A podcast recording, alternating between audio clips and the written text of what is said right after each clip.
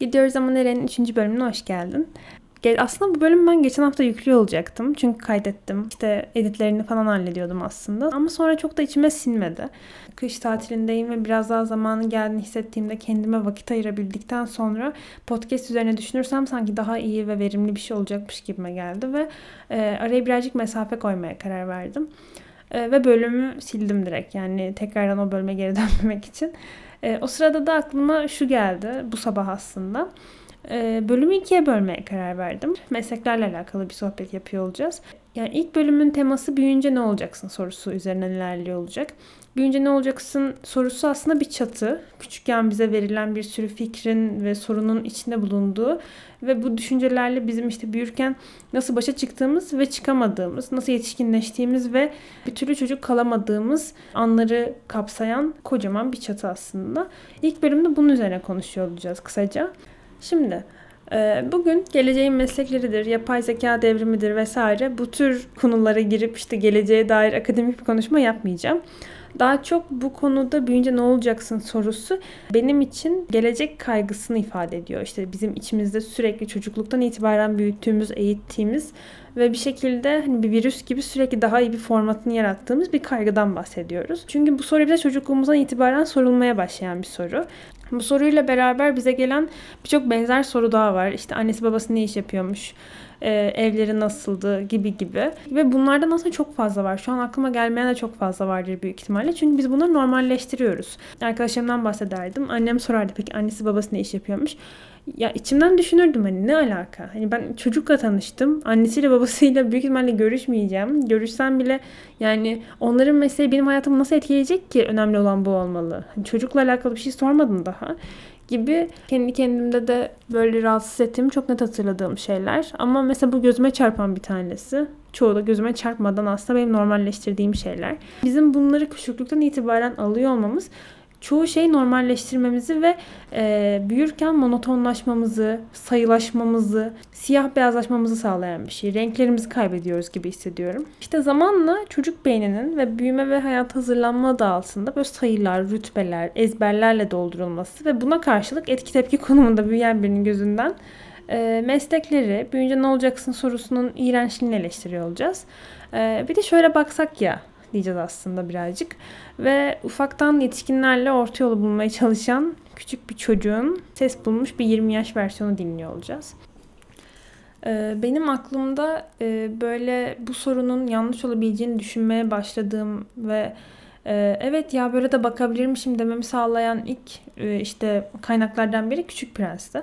Küçük Prens'i ilk okuduğumda gerçekten çok etkilenmiştim. Çünkü ilk defa bir yetişkin yazmış sonuçta bu kitabı. İlk defa bir yetişkinin bana hayır büyünce ne olacaksın ya da işte anne babalarının paraları, evlerinin güzel olmaları, rakamlar, sayılar, rütbeler hani bunlar önemli değil e, deme şekli buydu. Ondan öncesinde hiçbir yetişkinle ben bu şekilde sohbet etmemiştim açıkçası. Ee, ve ondan dolayı kendimi çok daha şey hissetmiştim hani. Tamam ben arkama Küçük Prens'i alırım ve yürürüm buradan diye çok e, heyecanlanmıştım ve bir umut ışığı görmüştüm. Kitabı geçen hafta tekrardan okudum. Belki bu bölüm için kullanabileceğim bazı kaynaklar bulurum vesaire diye. Ve kitapta aslında e, bu bizim şu anki bildirgemizi e, işleyecek olması gereken yetişkinlere büyük olarak hitap ediliyor ve büyüklere karşı bir isyan var aslında kitapta da. Net bir şekilde şunu gösteriyor büyüklerin hani yanlış ve eksik hatta bazen tecrübeli adı altında daha böyle az gözlüklü olabileceklerini anlatan, anlatmak isteyen bir başlangıcı var kitabın. Kitabı okuduktan sonra tekrar küçüklüğüme dönüp düşündüğümde, insanları gözlemlediklerimden yola çıkarak düşündüğümde ebeveynlerin kendilerine öyle güvenerek bizi böyle hayata hazırladıklarını emin bir şekilde sorup cevaplamalarından dolayı fark etmeden biz küçük yaşta memurlaşabiliyoruz.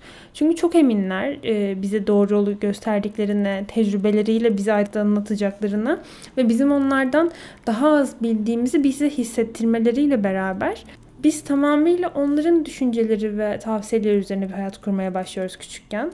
Ama tabii hani doğal olan da bu zaten. Ebeveynler bunun için varlar.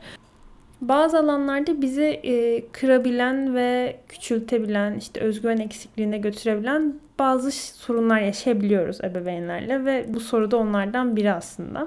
Bu tür sorularla işte çok fazla maddiyat ve sumutluk içeren renksiz, tatsız sorularla beraber böyle bir anda rutinlerin, düzenin insanı olup katılaşmaya başlıyoruz sanki.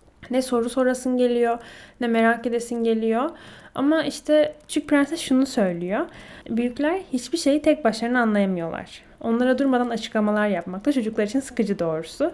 Bu sözü okuyunca gerçekten çok ferah hissediyorum hala. Çünkü e, hala e, kendi içimde kendi adımlarımı attığımın hissinde olsam da ve bu adımları atarken artık kendi kaygılarımı ve önceliklerimi kendi seçtiğim, sıralayabildiğim bir yaşa gelmişken bile hala çok fazla baskı altında hissedebiliyoruz. Çünkü buradaki ebeveynler ve büyük dediğimiz insanlar sadece işte anne baba kimliğiyle bizim karşımıza olan kişiler değil. Mahallemizde yaşayanlar, komşular, komşunun kuzeni, öğretmenler, müdür yardımcısı, rehber öğretmeni, bir sürü insan. Yani manavda karşılaştığımız ve sohbet ettiğimiz birinin düşüncesi bile bizde aşırı bir akademik kaygı, kariyer kaygısı gibi şeyler yaratabiliyor. Tabii ki de tek bir komşum bende bu kadar yoğun bir kariyer kaygısı ve gelecek korkusu yaratmıyor. Ama bunlar işte bardağı taşıran son damlalar muhabbetine dönüyor birazcık. Bunların hepsi birikince gerçekten kocaman bir büyükler ordusu. Kocaman bir işte seni büyüten toplum yani ebeveyn ordusu oluyorlar. Ve onlara karşı herhalde kaç yaşında olursak olalım istedikleri kişi olana kadar büyük bir baskı altında olmaya devam edeceğim gibi geliyor. Bilmiyorum. Ve böyle bunları düşünürken yani gerçekten çocuklardan alacağımız, öğreneceğimiz çok fazla şey var. Bunu çok net görebiliyorum sadece. Hani çocuklar Bence çoğu insandan çok daha zeki, yaratıcı, daha merak dolular. Henüz böyle yetişkinler gibi sosyal çevre baskılarına, yalan doğru öğretilerine maruz kalmamışlarken kafaları gerçekten çok ayrı çalışıyor. Çok farklı düşünüyorlar. Burada bu arada bahsettiğim şey akıllı ya da mantıklı düşünmek değil. Bu çok yetişkince bir şey. Kesinlikle akıllı ve mantıklı düşünmüyor olabilirler ama kafalarına koyduklarını yapabiliyor olacaklarına olan inançları ve çocuklardan almamız gereken bazı şeyler var bu noktada. Tamamıyla çocuklaşmalıyız demiyorum. Büyümemizin tabii ki de bir sebebi var. Tecrübelerimizle birleştirmemiz gereken şeyler olacak. Ama e, bu yolda ilerlerken kesinlikle kaybetmememiz gereken şeyler var o çocukluktan bize kalan diye düşünüyorum. Yani misal Hani ben küçükken hatırlıyorum böyle elim parmaklarını geçen bir listem vardı böyle kayıkçıdan kemancıya, vinç sürücüsünden kasiyere. Bunların hiçbirinde ben şey demiyordum hani kasiyer olursan seni hor görürler. Ee, ülkede sanata değer verilmiyor keman çalıp ne yapacaksın? İşte atıyorum kadın halinde vinç mi süreceksin düşüncesi hiçbirinde bir hakim değil bu tür düşünceler. Ve aynı şekilde atıyorum o yaşımda ne kay- kayığa binmişliğim var ne de oyuncaklarım dışında vinçlerle aşırı neşir olmuşluğum var. Yani bir şekilde ee, dönüp Onur'dan öğreneceğim çok fazla şey var. Sınırların, önyargıların, önyargılar derken iyi olmayan, bu kötü olan ve bizim hayatımızı kısıtlayan önyargılardan bahsediyorum. Bunlardan e, uzak bir dünyada yaşıyordu kendi halinde. Ve böyle biri ona karşı çıktığında ağlayabiliyordu. çok hoş bir şey bence. Ee, yani işte yani dönüp bakınca neyi anlıyorsun? Buradan gelmek gerekirse. Böyle bir çocuk için önemli olan neye yatkınlığı olduğu bile değil. Hani sosyal çevreyi bıraktığımızda. Tamamıyla neyi merak ediyorsa onu deneyimleyebileceğine inanması. Bence bir çocuğu en özel kılan. Kafasının içindekilerin merakla hareket ediyor olması da gerçekten benim çok yani hayranlık duyduğum bir şey. İçimde böyle uyanık tutmaya çalıştığım bir ateş aslında o. Söneceğini biliyorum bazı vakitler ama kesinlikle hani işte olsa yağmurlar da yağıyor olsa hani kuru odun bulup atmam gerektiğini çok farkında olduğum bir ateş. E, çünkü merak gerçekten insana bütün duyguları çok daha farklı deneyimleyebilme şansı veriyor bence. Neyse. Peki çok da dalmadan konumuza dönersek. Şimdi biz bu çocuğa ne yapıyoruz da bize böyle monoton ve ezberden kurallarla öğütler sıralayan yetişkinler oluşuyor. Sonra hatta biz de onlardan olup gelecekteki çocukları ayıplayanlardan oluyoruz. Ama bize bunları diyenlerin jenerasyonları, maruz kaldıkları böyle ekonomik politik ortamlar, e, ailelerini araştırıp işte üzerine gitmemiz gereken çok hassas ve boyutlu bir konu bu. Orası çok bariz olduğu için e, ve benim de şu zamanımda bunlara değinebilecek yetkinliğim olmadığı için bu kısmı bırakıp aslında sadece Tamam herhangi bir tecrübem ya da empati kabiliyetim yok.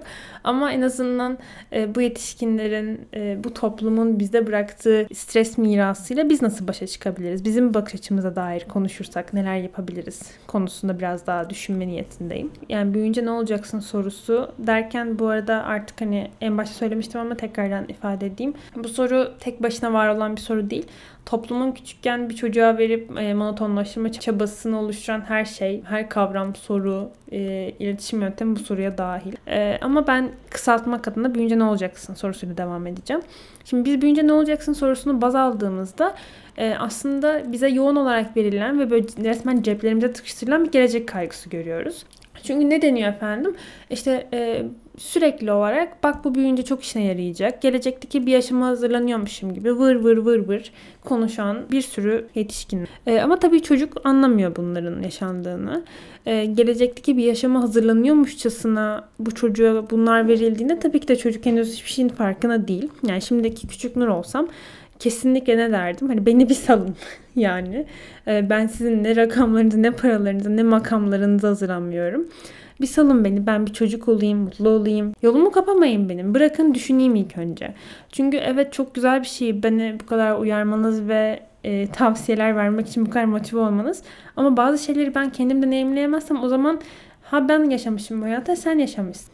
Yani bu sorularla alakalı gerçekten kafam benim de karışık. Hala büyüyen bir soru ordusu aslında. Bunlarla başa çıkmamız gerekiyor ki aslında bunlardan tamamen kurtulabilelim. Arka plana atıp üzerine düşünmemek daha da kötü yapar gibime geliyor.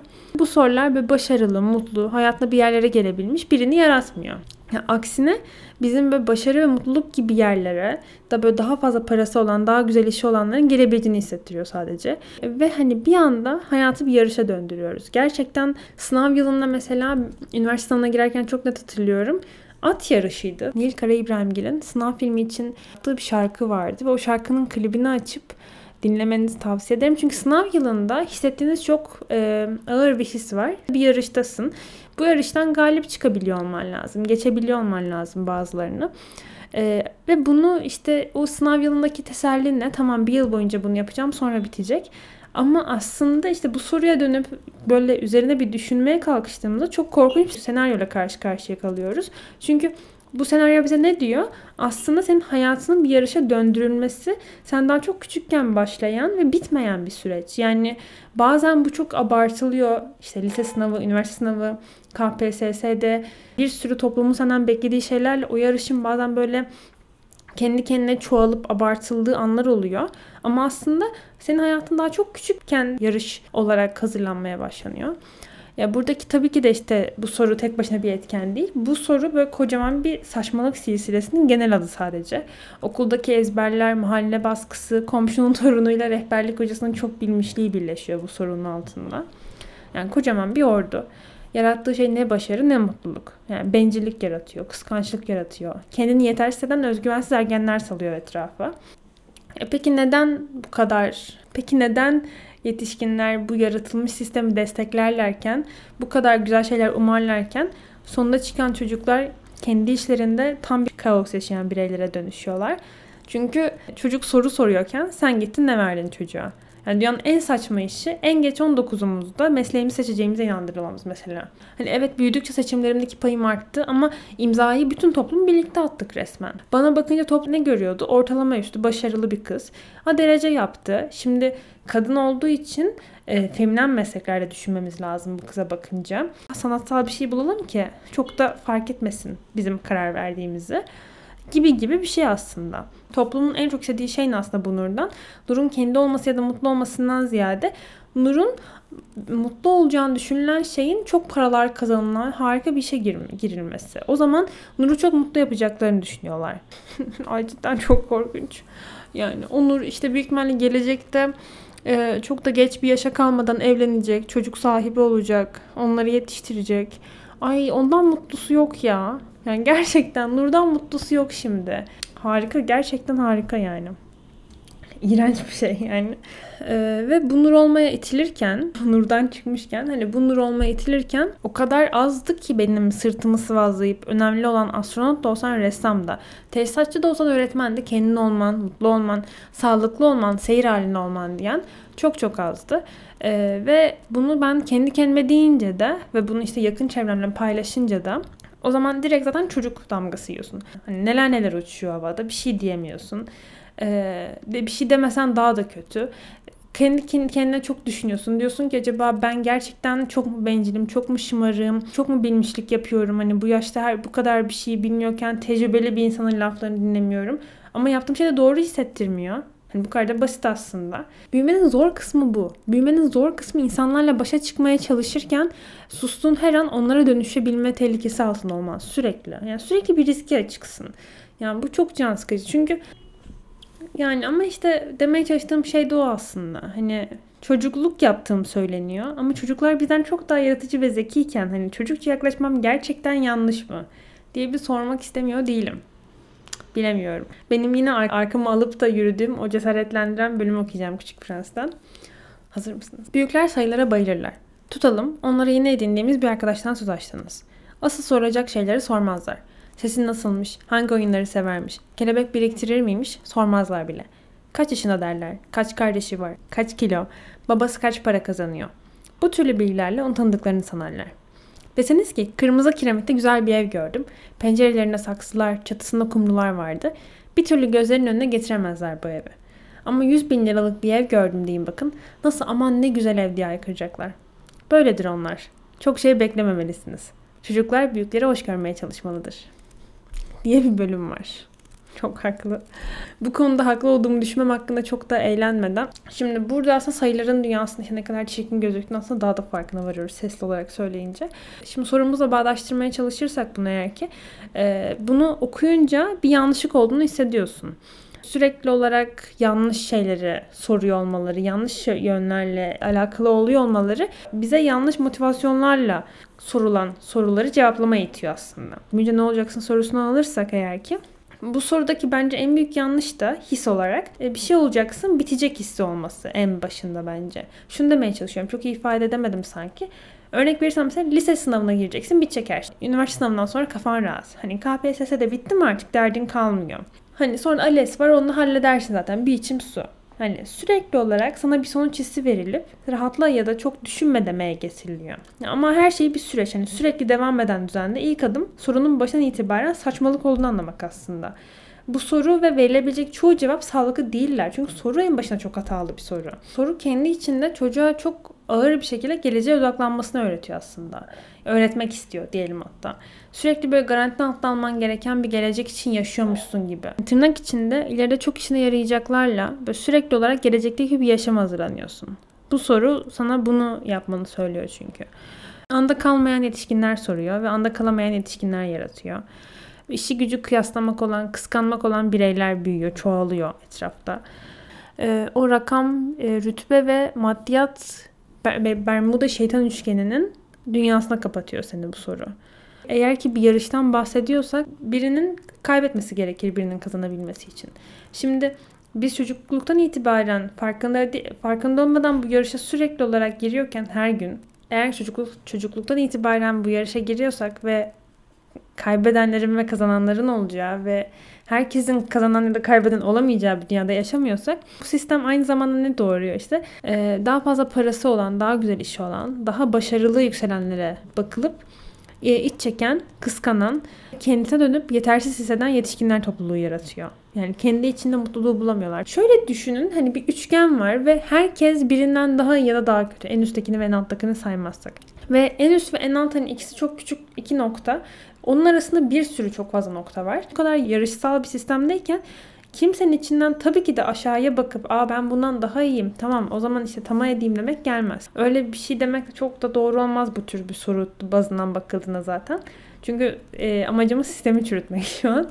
Ya bak böyle hayat yaşıyor ben yaşayamıyorum demek. Hani her eve geldiğinde büyük ihtimalle daha mutludur. Çünkü daha iyi bir lokantada yemek yiyebiliyor. Gibi bir yarış hali tekrardan yaratıyor. O kişi mesela işten dönüp eve gittiğinde Instagram'dan birilerinin storylerini görüyor. İşte sadece mutlu anlarına de, de denk geliyor. Yani gerçekten bu kadar yarış, bu sorunun başlangıcında bu kadar büyük bir yarışı yaratması bizi hayatımızın diğer bir sürü alanında da kötü hissetmeye itiyor. Çünkü çocukluktan itibaren bunun içine girdiğinde diyorsun ki o zaman hayat bir yarış. Her alanda yarış. Mutlu olmak bir yarış. İşte daha iyi hissetmek bir yarış, daha fit olmak bir yarış, daha sağlıklı olmak bir yarış. Maneviyat ve böyle içimizde olup bitenlerle alakalı olan şeyleri bile bir yarışa dökmemize sebep olabilen bir şey. Kelebek etkisi gibi. Ben bunu abartmak olarak görmüyorum. Yani bence farkına varmamız gereken bir şeyler olduğunu hissettiriyor sadece. Bilmiyorum. Ve o noktada çok üzücü hissettiriyor bana. Düşünmeye başladığımda büyük ihtimalle 9. sınıftaydım. Ama e, çünkü aykırı bir şey okumaya karar vermiştim ama bundan diğer bölümde bahsediyor olacağım. Kendi deneyimlerimden. Konuşması çok zor bir konu. Henüz 20 yaşındayım. Meslekler hakkında ne konuşsam elimde kalır mı diye bir korku da var içimde. Ama o bölümü çekebildiğimde o bölümde biraz daha bu sohbete devam etmeyi düşünüyorum. Kendim bu çukurdan nasıl çıkmaya çalışıyorum gibi gibi şeyleri birazcık konuşup irdeleyeceğimiz bir ikinci bölüm olacak. Çok umuyorum ki. Ama e, gerçekten şu an çok içim rahat bir şekilde soruyu çürütebildiğimi hissediyorum. Bu soru yanlış bir soru. Bu, buna bugün karar verdim. Sunduğum sebeplerinde çok iyi olduğunu düşünüyorum. Soru yanlış bir soru. Sormayın. Bu sorunun çerçevesinden çıkmaya çalışmamız gerekiyor. O zaman ikinci bölümünde bu serinin görüşürüz. Ee, ama bunu demeden önce iki şey söyleyeceğim. Birincisi bölümle alakalı olacak için ilk onu söyleyeyim. Ee, yani kısaca öncelik sensin. Ee, mutlu olman, mutlu hissetmen, kendin olman. Ee, öncelik hayattaki hedefin. İkinci bölümde üzerine kesinlikle konuşuyor olurum bunun. Ama asla ama asla e, hedefimizin bir meslek olduğunu düşünmemeliyiz hayatta. Eğer ki hedefi bir meslek yaparsak onu sahip olduğumuzda hiçbir şeyimiz kalmaz elimizde. Hedefimiz çok daha geniş ve bence kendi içimizde e, büyümeye ve gelişmeye odaklanabilen bir şey olmalı. Yani mesela benimki henüz 20 yaşındayım ama kendime uzun soluklu bir hedef koyabilmek açısından benim hedefim seyir edebilmek mesela. Bu da şey Piraye'nin Seyir diye bir kitabı vardı. Ee, ve o kitapta seyreden misin, seyreden misin diyordu. Ben kendime böyle bir hedef koydum. Bence ondan dolayı bu soruyu düşündükten sonra ve soruyu çürüttüğünüze inanıyorsanız kendinize daha soyut ve e, olması gereken türden bir soru sorup buna bir cevap arayın. Böylece kendi içimizde ve insanlarla olup olmayan saçma sapan yarışlara girmekten vazgeçeriz belki. Aynı zamanda ikinci şeyi söylemeden hemen gitmeyeyim. İkinci olarak da e, artık bir Instagram sayfamız var. Gidiyoruz ama nereye ama iki elle bitiyor. E, ismini ben aşağı yazıyor olacağım. Orada e, bölümlerle alakalı kitaptır, filmdir, genellikle müzik önerilerini paylaşıyor olacağım ve bölümler üzerine yaptığımız sohbetleri biraz daha genişletiyor olacağım. Küçük captionlarımız olacak. Öyle bunu paylaşmak istedim. Ee, bir bakarsanız gelişmeleri takip ediyor olabilirsiniz. Aynı zamanda oradan bana görüşlerinizi ve tavsiyelerinizi, geri bildirimlerinizi bildirirseniz, e, anlatırsanız, söylerseniz çok mutlu olurum gerçekten. Öpüyorum. Görüşürüz.